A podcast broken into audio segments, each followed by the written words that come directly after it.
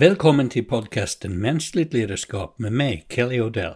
I den här episoden av podcasten tänkte jag diskutera mål.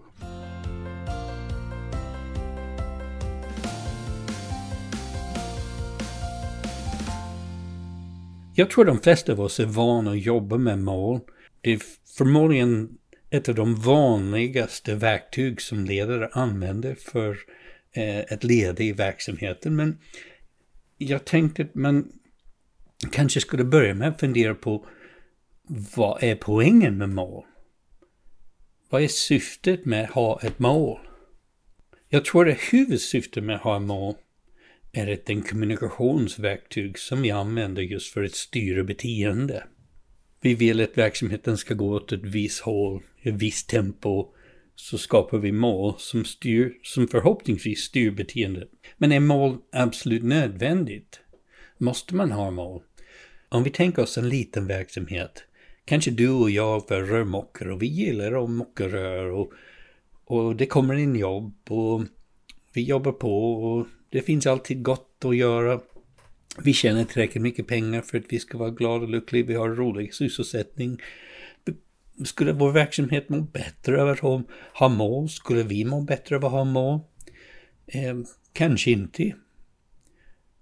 Men om vi skulle bli flera, om vi skulle bli 10 eller 20 eller 30 eller 50 anställda, ja, då finns det väldigt många inriktningar man skulle kunna ta och med mål så kan vi hjälp, hjälpas att rikta allas energi och aktivitet i en viss riktning så att vi är på väg ungefär åt samma håll. Men vad säger forskningen om mål? Ja, om man summerar upp väldigt mycket forskning runt mål kan man se att det är onekligen så att mål kan få oss att arbeta hårdare, fokusera mer och prestera bättre. Men forskning är också tydligt med att mål kan också döda kreativiteten. Det kan öka fusket och minska trivseln. Jag hade en profess professor för många år sedan som sa var försiktig med vad du betalar dina medarbetare att göra för att risken är att de gör det. Eh, ibland kan mål rikta in oss och fokusera oss så mycket att vi ignorerar mycket annat. Vi är så fokuserade på målet. Så mål är inte enbart bara positiva. Det, det kan finnas baksidor till det också.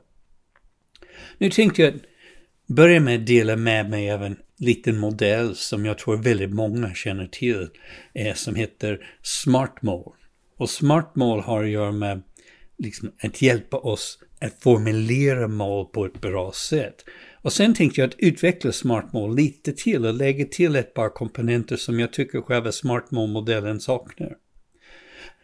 Men bara för att ge en liten överblick, SMART är en akronym eh, som står för S står för specifika, M står för mätbar, A står för accepterad, Ä för realistiskt och T för tidsbestämt. Om vi tittar på det lite lite kortfattat så kan man säga att mål behöver vara specifika. Att, att ha mål som utgår ifrån att vi ska bli bättre eh, duger inte. Jag hade en, en chef för många år sedan som pratade om att hela tiden vi ska vara så världsledande tjänsteföretag. Och ja, det var väldigt luddigt, väldigt ospecifikt. Vad, vad innebär det att vara världsledande tjänsteföretag? Det, det, det var inget, möjligtvis kunde det vara någon vag uttryck för en vision, men det var knappast någon mål. Att vi vill bli bättre på att ta hand om våra kunder, det är inte heller tillräckligt specifikt. Vi måste bryta ner det i någonting väldigt konkret och specifikt. Att vi vill till exempel svara i telefonen snabbare på eh, kundtjänst. Eh, det, det, är specifikt. Och det leder oss in i nästa punkt som är mätbar. För om vi skulle ha en så specifik eh, mål, då är också mätbar. Vi kan säga att vi ska gå från 18 minuter väntetid på, på kundtjänst till 15 eller 12 eller 2. Då är det både specifik och mätbar. Igen, ett mål som inte är mätbart, som det inte går att veta om man har uppnått det, eh, är ingen effektiv mål. Eh, det, är ganska vanligt idag att man pratar om att vi vill öka kreativiteten i verksamheten. Och det är jättebra. Jag tror de flesta verksamheter skulle må bra av att öka kreativitet. Men hur mätte man det? Och jag ser inte att det inte finns något sätt, men jag har ofta mätt organisationer som har den typen av uttryck för mål, men när man ställer frågan, hur vet ni om ni blir mer eh, kreativ? Hur vet ni om ni blir mer kommunikativ? Och då vet de inte. Så det, det är ingen bra mål. Eh, det ska vara accepterat. Det vill säga, det kan vara hur specifik och mätbar som helst, men om det inte är accepterat av de som ska jobba för målet, då kommer det inte funka. Folk måste vara villiga att committa sig till det målet. Sen kommer vi till äret som är realistisk och det kanske säger sig själv. Om målet uppfattas som orealistiskt så kommer inte folk att vilja jobba för det. Ni märker att jag lägger in ordet om att det uppfattas som realistiskt eller uppfattas som orealistiskt. Det är ett väldigt viktigt ord för för att det ska vara en bra mål så måste jag som ska sträva efter målet uppfatta det som realistiskt. Om jag, det kanske är från ett objektivt perspektiv realistiskt, men om jag inte uppfattar det som realistiskt, då är det inte realistiskt för mig. Så då kanske det skulle vara bättre att sänka målet lite grann till någonting som jag uppfattar som realistiskt och sen kan vi höja det i nästa omgången. Så det måste uppfattas av de som ska jobba efter målet som realistiskt. Och sen ska det vara tidsbestämt. Eh, ett annat vanligt misstag som jag ser är att man sätter upp ett mål men det är någon gång i framtiden ska vi uppnå det. Eh, om det är om ett år eller 20 år eller två månader eller två veckor. Eh, det behöver vara tidsbestämt för att den ska... Det också har att göra med att vara specifik och mätbar. Så den gängse modellen med smarta mål är specifik, mätbar, accepterad, realistisk och tidsbestämd. Men jag lovade att jag skulle utveckla det med ett par komponenter som jag tycker saknas. Och då istället för att prata om smart mål så vill jag prata om Smartimo. mål. Om ni lyssnar noga så hör ni att jag lägger lite tungt på s för jag vill lägga på ett extra s framför smart, så det är två s. Och sen på slutet har jag ett i, så det är Smartimo. mål. Och vad, vad kan den där s och det där i vara för någonting? Ja, första s är syftet. Jag tror inte det räcker att målet är specifikt och mätbart, accepterat och så vidare.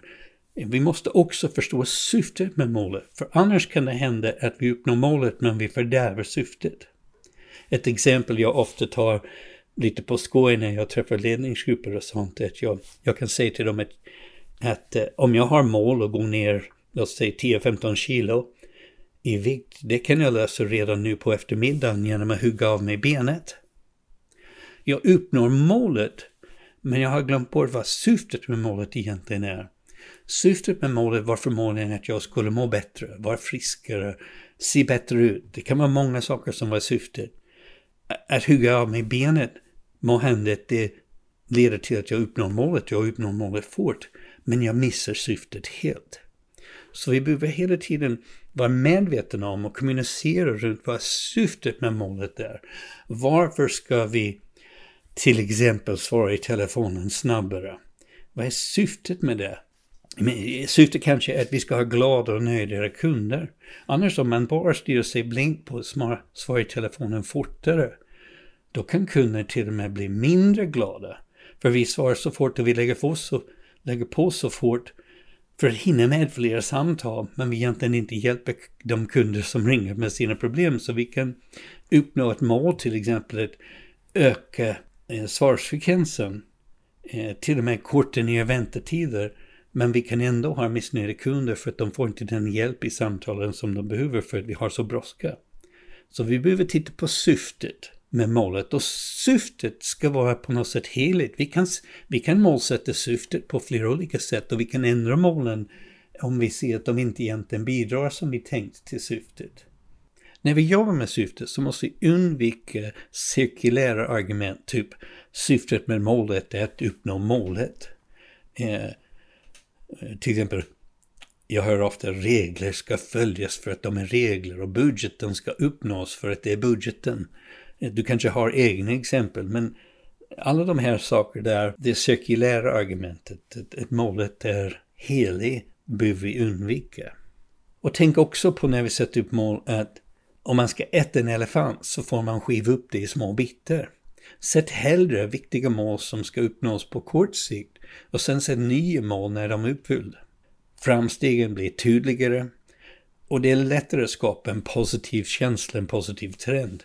Så istället för att sätta ett stort mål långt bort, dela upp det i delmål på vägen dit. Det skapar mycket mer engagemang och lättare att få igång de där positiva energier för att uppnå målet.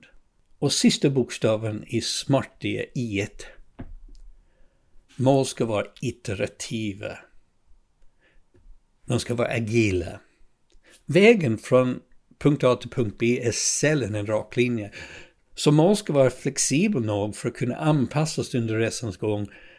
Alltid med sikte på att uppnå syftet, inte att uppnå målet.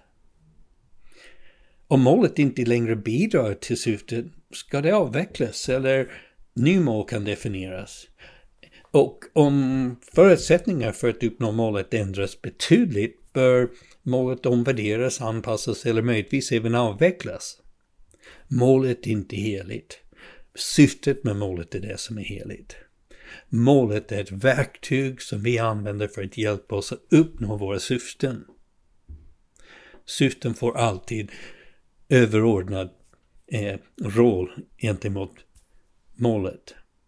Jag hoppas att det här ger lite insikt i hur vi kan jobba med mål, skapa bättre mål och kanske utveckla våra tankar lite grann. Kom ihåg att det inte bara är smarta mål, men det är smarta mål som är det som gäller. Fokusera på det här med syfte och se till att målen är iterativa. Tack så mycket för idag. Tills nästa gång, lycka till!